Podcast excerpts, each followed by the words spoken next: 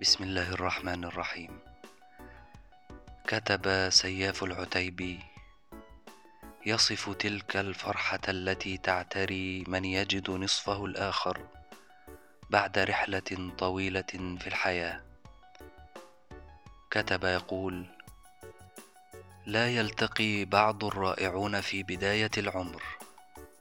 لا يلتقي الرائعون حقا إلا بعد رحلة طويلة من التعب ولا يحدث الحب الحقيقي إلا متاخرا.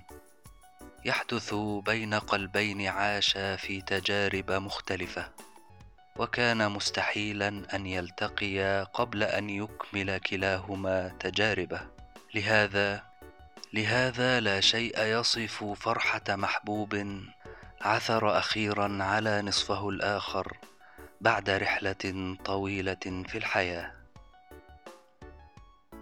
شكرا لحسن استماعكم وألقاكم في صوتيات قادمة.